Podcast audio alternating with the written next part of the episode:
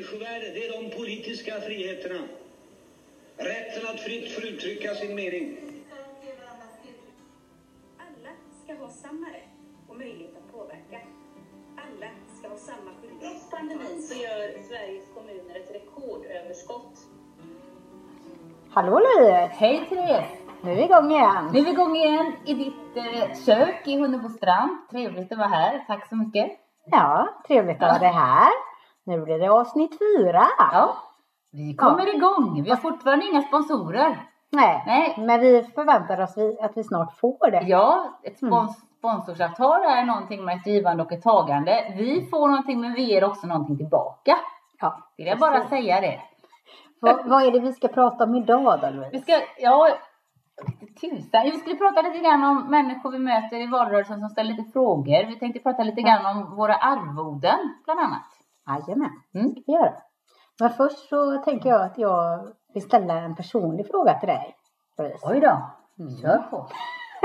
Jag är nervös. Ja, våra, våra lyssnare här vill ju väldigt gärna veta vilken favoritlåt du har. Favoritlåt? Mm. Har du någon favoritlåt? Eller någon som du liksom lyssnar på repeat Ja. hela tiden? Då vill jag bara säga så här att jag är alldeles för musikalisk för att ha en favoritlåt. Det är precis det här som jag ogillar med, med de här som jag pratade om också första avsnittet. Eh, f- svåra frågor som kräver enkla svar. Det är komplext. Jag har inte bara en favoritlåt, jag har hundra favoritlåtar. Du kan inte ställa en sån fråga till mig. Vad är din favoritlåt just nu då? Nej men vad. Nej men nej, okej då. Jag lyssnar. Nej jag kan jag, jag vet inte. Men jag lyssnar ganska mycket på Rolling Stones just nu. Av någon anledning. Och då säger om jag nu, nu måste tvinga mig. Mm. Vilket jag inte tycker om. För nästa vecka kan det vara någon annan favoritlåt. Men det, ja, men det spelar ingen roll utan det är just nu. Och vi tänker att nu lyssnar du på deras skiva och så kommer det en låt. Mm. Vilken klickar du vidare för att du vill lyssna på eh, give, me, nästa? give me shelter. Mm. Riktigt jädrigt bra. Nu ska jag lyssna på den på väg hem sen. Mm. Fullt ös i bilen. Är det repeat då hela tiden? Äh, eller är lyssnar att- hela skivan? Nej jag lyssnar inte hela skivan. Jag lyssnar nog på den några gånger då. Ja. Men, men alltså nästa vecka kanske jag lyssnar på något helt annat. ja. Men jag gillar musik, men jag lyssnar, jag är allätare. Du då? Eftersom du ställer en här löjlig fråga till mig. Vad är din favoritlåt? Jag är också lite musikalisk för sånt där. Men det är ju så här, alltså, man har, jag har ju många favoritlåtar men jag lyssnar ju inte på allihopa samtidigt. Nu Nej. har jag i för sig på Spotify så har jag Therese egen lista. Eller Therese lista kanske det heter. Där jag liksom lägger in, jag bara åh, där är ju den låten, den älskar jag och så lägger jag in den. Från början var det meningen att det skulle vara min träningslista. Men jag inser att det funkar inte riktigt så. Jag kommer inte kunna träna till det. Det känns inte så peppigt så. Men eh, just nu så... Ja, favoritlåt. Men alltså jag var ju på en begravning här om veckan. Och då var den här låten Ser du månen där du är ikväll? Vet inte om du har hört den? tror inte det. Vem sjunger den? Heter han Thomas Stenström tror jag. Okej. Herregud, den är ju så jäkla bra alltså. Jag Den ska jag. inte svära kanske så. Men Men, då eh, kan, det kan vara så att det är kopplat någon eh, i, i, på internet som, ja, som Suddar oss ut nu det för så. att vi... Ja, men precis för Jag att tror jag att säger så. klicka in en Ja. ruta där om du kommer svära. Men det Ja. är mest på engelska. jag svär. Ja men det. precis, så att jag, jag svär bara på svenska. Nej men alltså den var galet bra alltså. Eh, Så den tänker jag att den ska jag ha på min begravning. Men du- Så just nu så lyssnar jag väldigt mycket på den. Du, jag har också några låtar som jag ska på min begravning om nu. Det är väldigt tråkigt, jag hoppas det dröjer. Men jag måste, jag vill rätta mig nu. Rolling Stones och, och, och Gimme Shelter, det är ju tungt alltså för mig. Jag gillar det. Men jag var också på en begravning för eh, knappt ett år sedan, ett halvår sedan. Eh, och då spelades där en, nu måste jag titta här, det är ju eh, Björn Afzelius på egna ben. Jag måste snabbt titta här. Mm. På egna ben, vet du, på egna vingar. På egna vingar, vet du vilken det är? Mm. Nu satt jag och råkade på den här Ja, misstaget. du kan spela den lite så att lyssnarna får höra. Kan, kan man höra här?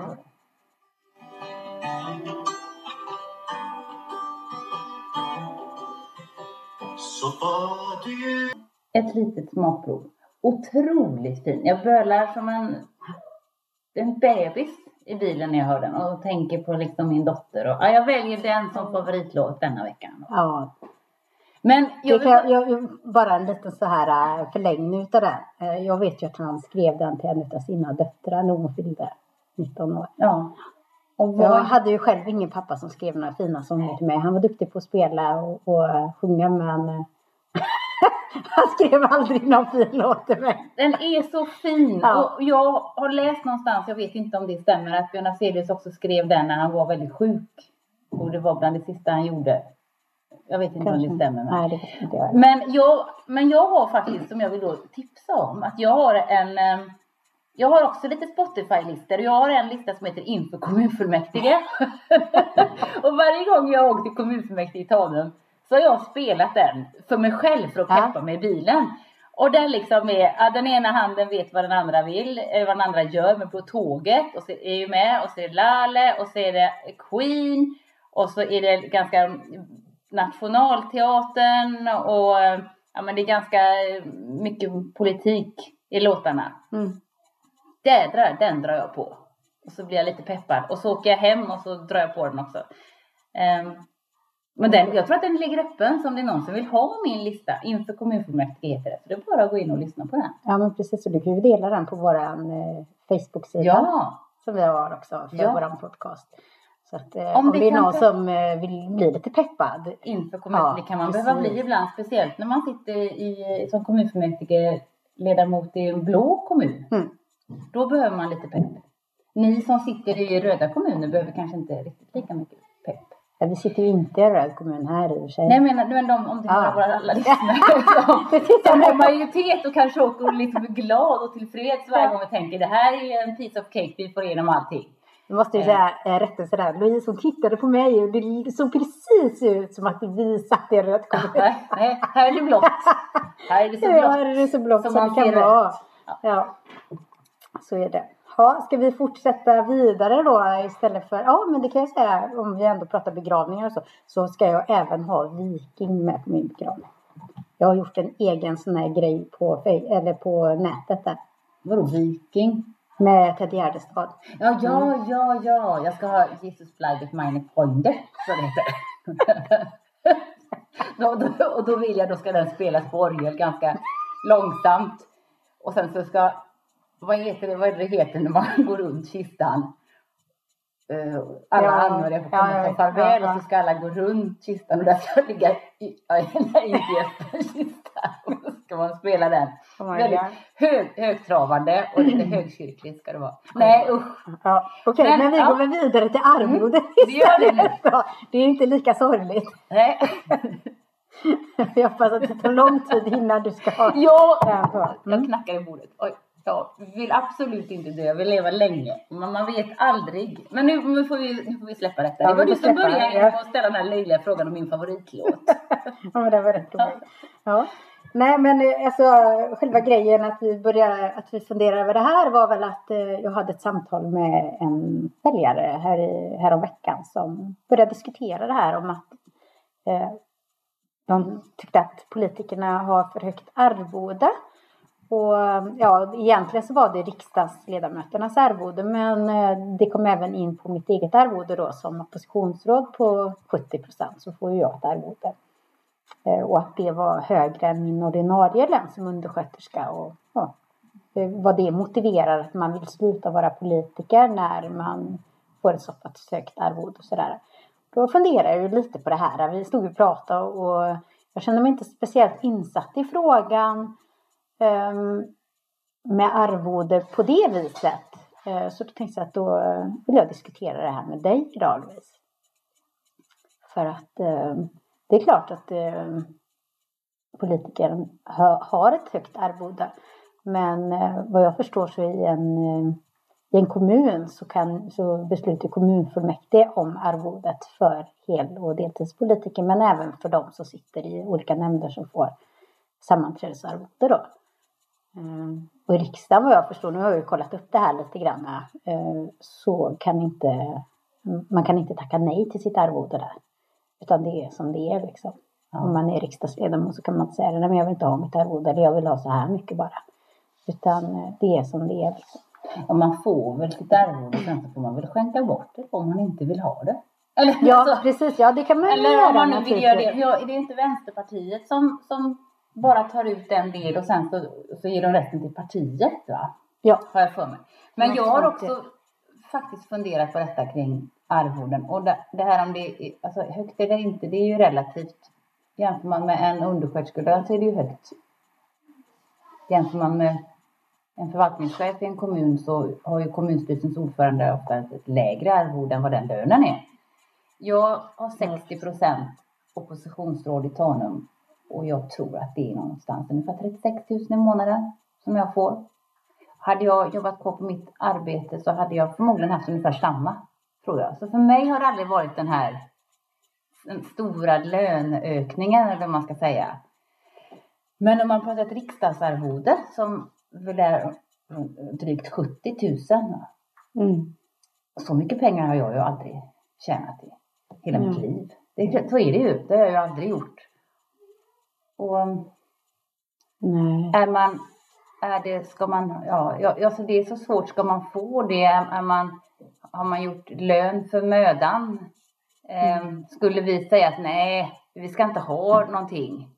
Ja, jag, tycker det är svårt. Jag, Nej, jag, Jag tycker tycker- väl inte att man ska säga man att man inte ska ha någonting. Och, alltså, eh, en av eh, argumenten var ju också att den Socialdemokraterna ska ju liksom inte, eh, alltså, de ska inte ha så mycket pengar liksom. De ska visa till folket att vi liksom är som dem och sådär. Det, det, det, jag köper ju det argumentet naturligtvis, men det är ju också väldigt svårt att um, säga så här, ja men fast men då vill inte jag ha det här och det här. Det, jag tror inte, vet inte ens om det är jäm, alltså genomförbart egentligen att göra det utan jag, alltså min, min eh, ingångspunkt är det ändå att eh, man får ju på något sätt um, besluta det med arvodesreglementet när det tas liksom. Att man då kan förändra olika saker för att annars så blir det så här om- om jag som socialdemokrat ska sänka min, mitt, alltså det är ju min lön för det arbetet jag gör just som politiker. Och, och nästa person som kommer in, eh, vad händer då och sådär. Alltså att det, jag tror att man får, eh, man får ta det på ett annat sätt i så fall. Så att det blir realistiskt för alla. För det är ju inte så att om jag avslår lite pengar så går det in i någon verksamhet utan det stannar ju kvar där som arvodesdel ja, det är lite barn här som Ja, det är lite barn bor ju springer lite så. Ja. Så det kan, kan det vara lite bankande men de har lite så här elefantfötter och bara bom, bom, bom. Men, men kommunfullmäktige antar ju eh, arvod, arvodesregler. Och, och i, i kommunerna, om jag, så är det väl i Tanum i alla fall, vi gör det. Ja, och så är det hos oss också. Socialdemokraterna har ju inte hos oss pläderat för lägre arvoden. Det har vi inte. Och, alltså Nej, det har vi inte gjort hos oss heller. Och jag vet, alltså ärligt talat, inte om jag tycker att det är, är det vi ska, vi ska driva som den viktigaste frågan. Det är lätt för mig att säga. Jag vet ju att jag är privilegierad. Säger man så? Privilegierad? Ja. Eh, jag bor i Havstinsund i en, i en villa som är värd flera miljoner.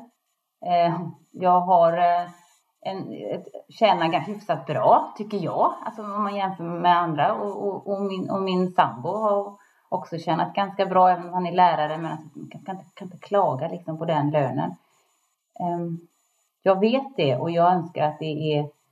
Jag vill verkligen att fler ska kunna ha ett bra liv och liksom kunna ha en god ekonomisk standard. Ehm, Samtidigt så har vi någon slags, jag vet inte, det, det är lite som socialdemokrat, jag känner också den här skammen någonstans att jag tjänar pengar. Jag har alltid känt mig att jag, ehm, att man inte är värd det eller att jag, jag borde ge det till någon annan som har det sämre eller eh, det ska vara ett kall och lika jobbar man inom vården så är det ett kall. Mm. Eh, och det ser vi ju hur det har gått. Det är inget kall längre. Det är ett ar- kvalificerat arbete Mm. och, och det är dåliga löner. Och det ska ju inte ursäkta att jag får liksom en lägre lön som undersköterska. Att jag ska få eh, en lägre lön för det jag gör som politiker. Även om det inte är lön, eh, lönesatt på det sättet. Nej. Som, för det är ju ett förtroendeuppdrag. Jag kan bli fråntagen det när som helst egentligen. Så medlemmarna kan ju väl rösta bort mig och rösta in någon annan och jag har ingen påverkan alls. Utan Om, om jag inte gör mitt jobb liksom och gör det bra så byter jag ju ut. Ja, och jag tror inte, om jag ska vara alltså, och så tänker jag så här. Det är också, i Tanums kommun så är det en person som har ett heltidsarvode som politiker och det är kommunstyrelsens ordförande. Och det är likadant i Sotenäs kommun. Och sen så finns det två oppositionsråd och det är du och jag. Ja. Och vi har då 60 procent har jag och du har ni 70. 70. Det ser lite olika ut i kommunerna. Och sen så är det väl nämndsordförande sådär som har arvoderat till på deltid. Och sen för övriga så är det ju de timmarna liksom som man är där. Och vad är det jag vill säga med det här nu? Men jo, men om inte jag... Det finns ganska många som vill ha våra uppdrag i partiet. Mm. Och det, om inte vi sköter oss så vi kan, som precis som du sa, vi kan bytas ut imorgon. Ja, det är ganska otryggt. Det är inte a-kassegrundande, våra arvoden.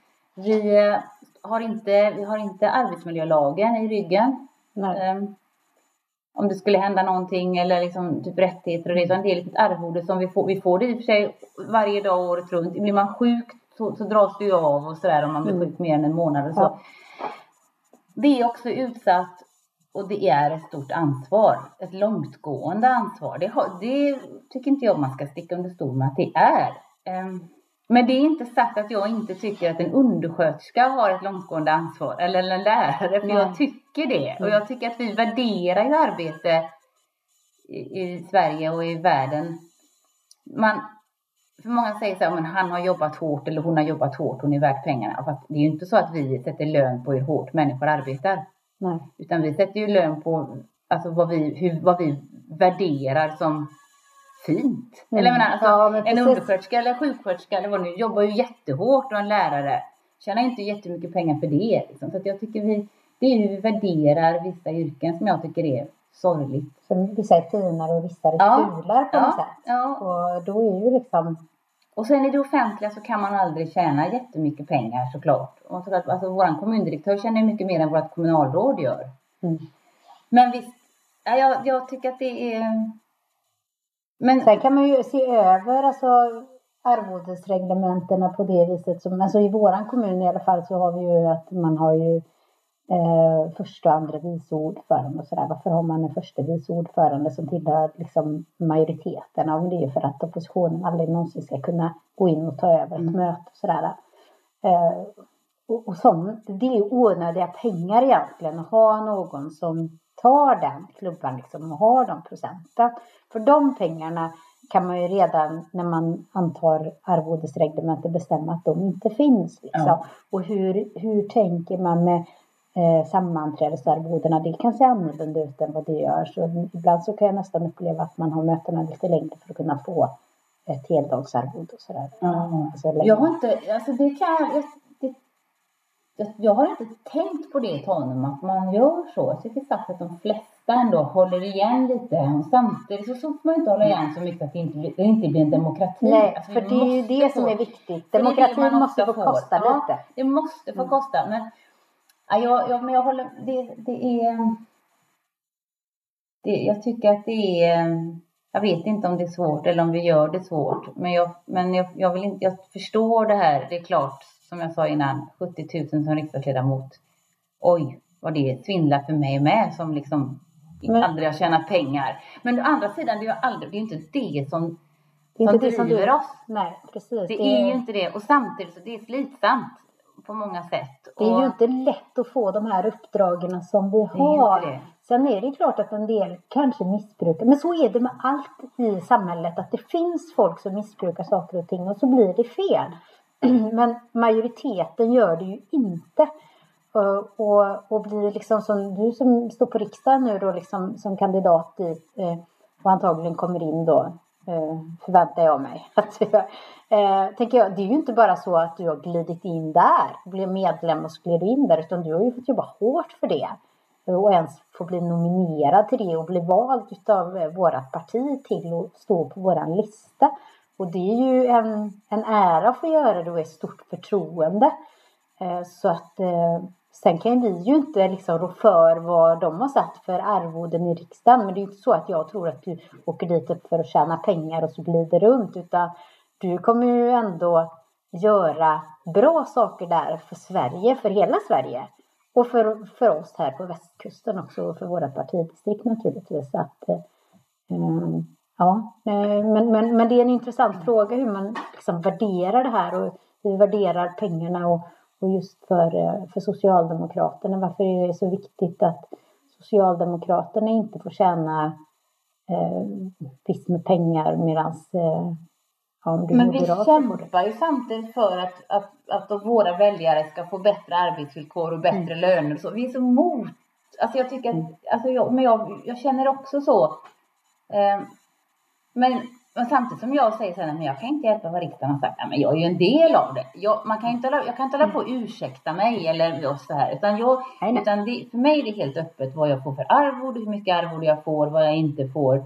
Och, och jag står faktiskt för det. Så länge jag inte har röstat på något annat eller så. Och det kommer jag faktiskt, jag tror inte jag kommer göra. Och det handlar inte om att jag kommer roffa åt mig. Men jag, jag, vågar man säga så att jag tycker att det är ett rimligt arvode? Ja, men jag säger faktiskt det. Jag tycker att det är ett rimligt arvode för uppdraget som vi har, som både som kommunpolitiker och som riksdagspolitiker och som statsminister och så. Och nu kanske folk tycker att jag är helt ute och cyklar och är helt verklighetsfrånvänd.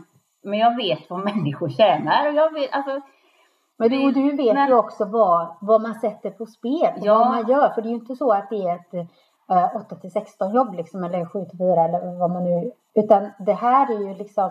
Du, även om du är 60 procent eller 70 procent eller 100 procent.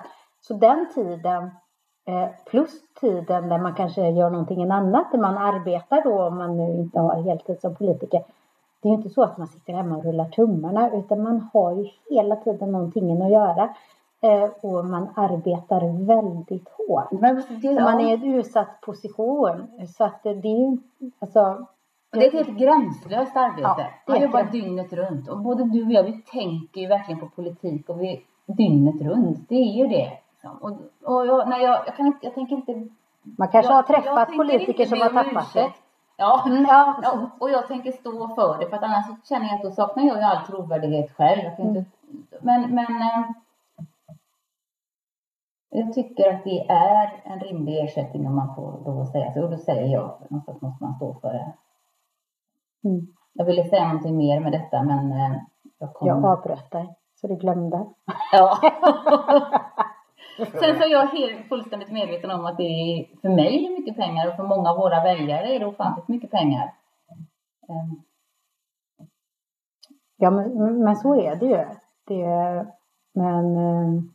Och det finns de som tjänar mycket, mycket mer än det. Naturligtvis. Och jag menar, det skulle ju kunna... Alltså, är man undersköterska så är det jättemycket pengar. Och för mig som är undersköterska så är ju mitt arvode mycket också. Så ligger på ungefär 42 000 i månaden. Men um, men det är klart, alltså hade jag arbetat som kommundirektör så hade det ju inte varit kanske så mycket pengar. det hade varit mindre. Det hade varit mindre. Ja. Så att, ja, det, det är vad man ställer i relation till. Och man kan ju vara socialdemokrat oavsett vilket arbete du har. Mm. Man behöver inte vara undersköterska eller lärare eller byggarbetare bara för att vara socialdemokrat. Utan Socialdemokraterna har ju medlemmar och engagerade förtroendevalda i alla yrkesgrupper egentligen och alla lönenivåer. Så att eh, arbetare tjänar inte alltid så dåligt. Nej.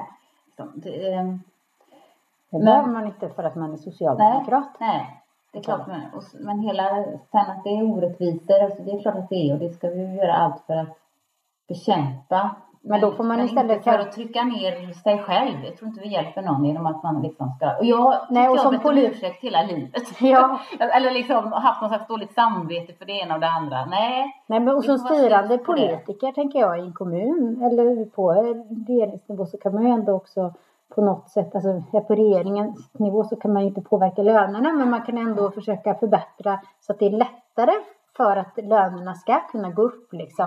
Och, och, det kan man göra i en kommun också naturligtvis, även om vi inte har ansvaret för det eh, fackliga arbetet naturligtvis. För det är facket som har hand om det tillsammans med arbetsgivaren, att, eller att de kommer överens liksom. Men, men, men man är ändå arbetsgivare i sin kommun som politiker och då kan man också påverka att lönerna går upp, att man inte eh, har för låga löner inom vården eller inom eh, skolan eller ja, vad det nu är för, för, för liksom verksamhetsområde som man har.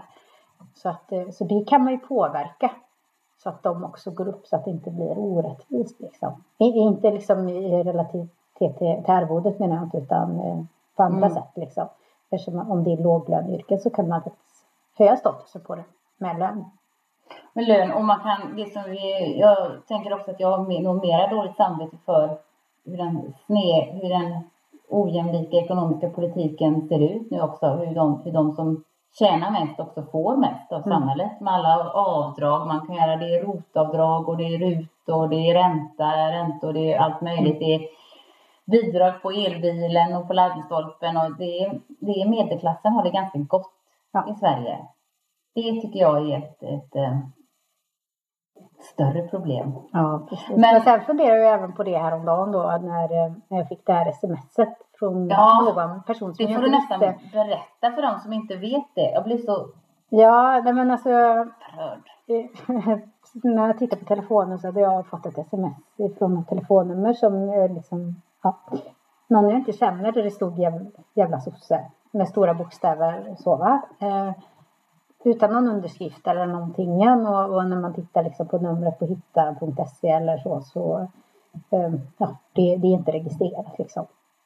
Och då tänker jag så här, ja, det här är ju bara någon liten grej som jag naturligtvis blir utsatt för. Men det finns ju många andra som blir utsatta för ännu värre saker naturligtvis. Eh, och hade jag bara arbetat som undersköterska så hade jag ju aldrig fått det här smset. Nej. Så att det som man som politiker får utstå, nu var det här en väldigt liten grej, men jag har ju ingen, det som är lite läskigt så, även om jag kan skratta åt det och tycka att det är helt galet att man gör så här, så kan jag ändå känna lite att den här människan vet ju inte vem jag är kanske. Den kanske vet vem jag är. Jag har ju ingen aning om vem personen är som har skickat meddelandet till mig.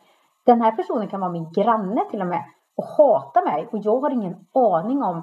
Jag kan träffa den personen på jobbet varje dag. Har ingen aning om. Det är det som är lite läskigt när man får sådana här meddelande ifrån människor som man inte känner och inte vet. Som kan veta vem jag är eller bara helt random har sett något inlägg på Facebook på våran eh, parti-Facebook liksom och sett mitt nummer och tänker att nu skickar jag det här till den här människan för jag hatar socialdemokrater. Så kan det också vara, men jag vet det inte. Och det är ju det som är så galet och läskigt just det här att man inte vet. Ta sig tid här? skicka liksom ett, o, ett taskigt sms till någon. Var, varför, vem gör så? Varför gör man så? Alltså, ja, jag, Nej, men så- jag så det är ändå det är... Nu sa du så här, ja, men det, jag tar inte åt mig eller det är lite roligt. Men alltså, jag, det är inte roligt. Det, det, och jag, jag vet att man, för jag hade också reagerat som jag hade fått det. Skit i det liksom, jag bryr mig inte. Men jag tycker ändå att du ska, du ska spara det där meddelandet. Ja, men det har jag gjort. och- det har jag gjort. och Men jag har det blockerat eh, Ja, numret. För jag det, jag vet och vi är sådana, det, det, man tar inte åt sig eller det, det, det får rinna av. Det är väl någon som inte liksom, skit i Nej det. men det kunde ju ha varit värre naturligtvis. Ja. Jag tänker så här, ja men det stod ju inte Men- att jag ska döda det Nej, eller så. Men, men jag tänker att det är att det ändå är det här, roligt. man vet ju inte vem det är. Nej det är inte roligt att det händer liksom. Och, hade jag varit på mitt ordinarie arbete så hade det här aldrig hänt liksom. Utan det handlar ju om att jag är i en viss position naturligtvis. För våra moderata kommunalråd har ju ibland liksom poliseskort och sånt där för att det är hot och sådär. Så att, Det är förfärligt. Men Ja. jag skrev ju, för jag tog jätteofta faktiskt illa vid mig när du berättade om detta smset. Och jag faktiskt skrev på min Facebook-sida nu läser jag det. Min vän Therese är en fantastisk människa och politiker. Det tror jag alla som har förmånen att känna Therese tycker. Hon har ett stort hjärta som alltid slår för alla människors värde och för rättvisa. Förmodligen så tillhör personen som skickat det här sms till Therese den grupp människor som hon månar mest om. Det vill säga de som inte mår så bra och de som inte har kanaler att påverka eller att uttrycka sig på. Och tänk om den här personen visste det, Therese. Då hade ditt sms till dig förmodligen sett helt annorlunda ut. Jag tror inte att det är någon du känner, för det är ingen som känner som skulle skriva Nej. så till dig. Um, jag jag eh, tar illa vid mig, även om jag förstår att du rycker på axlarna lite grann och tänker, äh, det där, för jag har med fått sådana om man, det där är inte så farligt, men det är inte okej. Nej, det är ändå det liksom. Även om man kan rycka på axlarna och gå vidare och sådär. Så, så just det att, att man faktiskt får det. Och att det, det kanske det var väl första gången jag fick det nu då liksom. Men det är ju säkert inte sista gången det händer. Om man säger så. Utan det kommer säkert eskalera. Så att eh, det, det är väl egentligen det som Eh, och det är inte okej. Det är inte Det, okej. är- det är aldrig okej att få sådana för att jag tänker att bara för att, eh, för att jag är socialdemokrat och har den tillhörigheten så ursäktar inte det att någon ska kunna skicka ett sms till mig och eh, ja, kunna säga en sån sak naturligtvis. Det, alla har ju rätt att ha sin åsikt. Man har inte rätt att uttrycka åsikten på det sättet som den personen har gjort bara.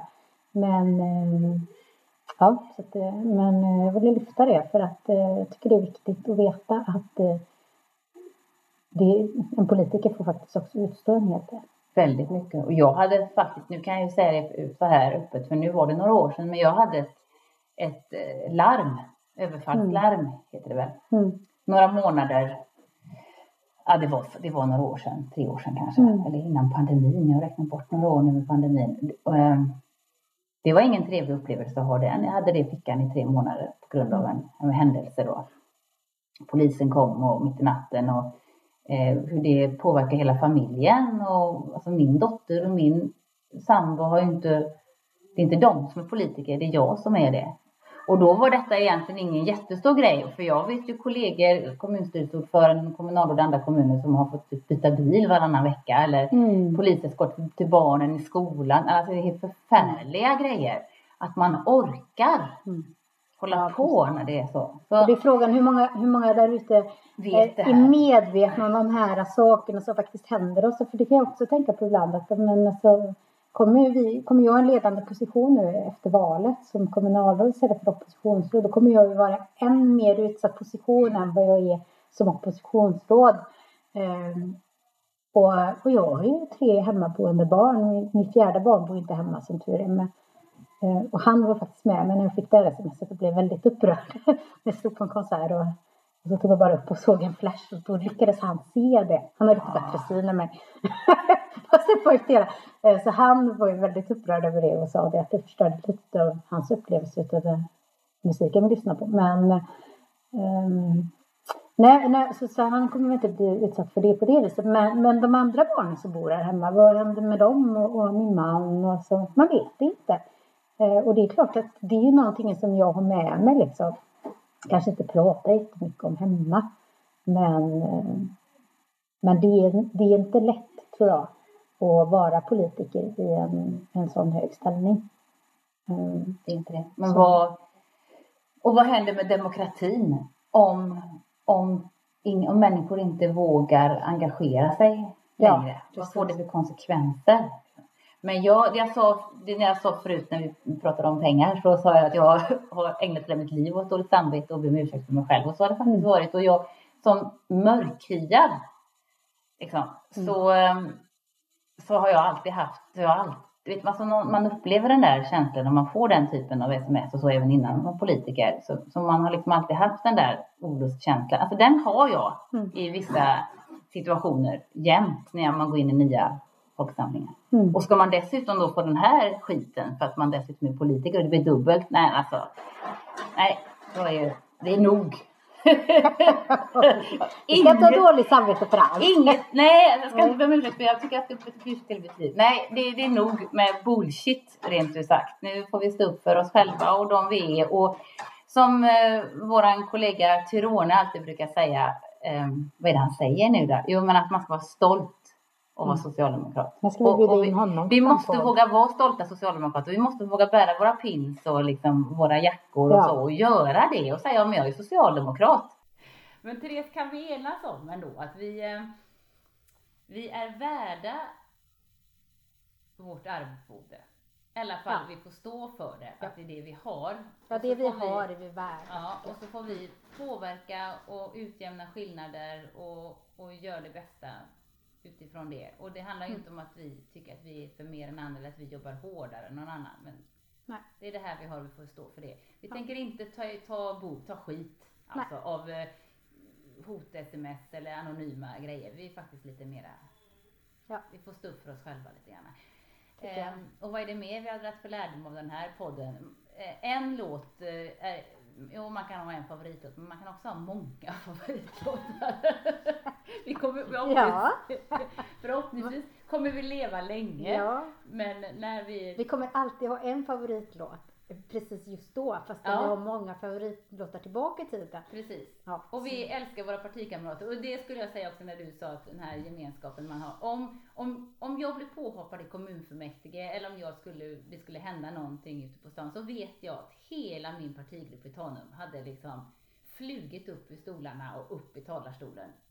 Fortare än motståndaren hade kunnat avsluta meningen om det var något orättfärdigt. Och vi, vi, vi, vi pratar politik och vi diskuterar sakfrågor men vi, vi hoppar aldrig på en enskilda individer. Och jag tycker vi är väldigt duktiga på det i Tanum. Och vi letar inte efter människors tillkortakommanden utan det är politiska sakfrågor. Och jag känner ett sånt otroligt stöd i det.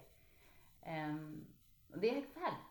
Ja. Och så ska det vara. Ja men så är det och det får jag ju säga om våran partigrupp här också. Ja. Att det är, jag tycker att vi har väldigt bra klimat. Ja. Så det, för det ska vara roligt. Det måste vara roligt för vi gör det ändå.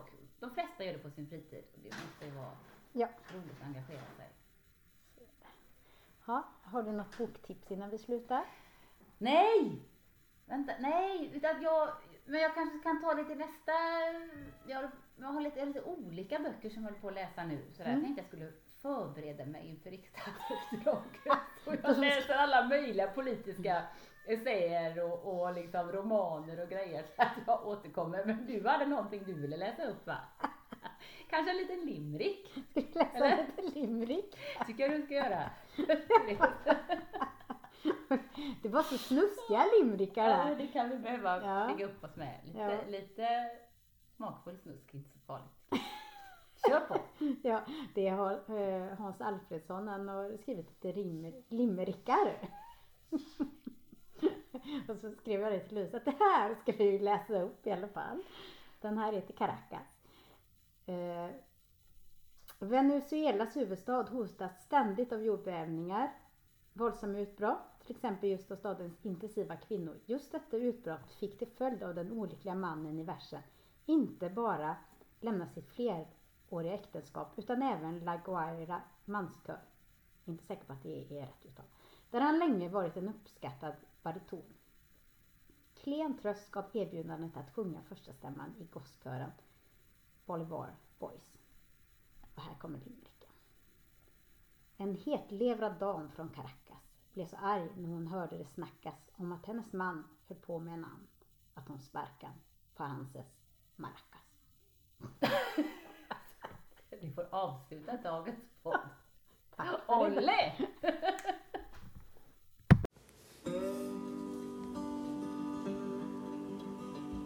Tack ordförande, tack kamrater för en trevlig debatt. Tack partivänner. måste också få med de som inte brinner för politik. Vi måste få med de som eh, kanske bränt sig. Och vi måste få med de som inte ens får känna den här glöden. Är demokratin en fråga om människovärde? Ja, Man måste våga för att kunna förändra. Och människovärde, det är de politiska friheterna. Rätten att fritt få uttrycka sin mening.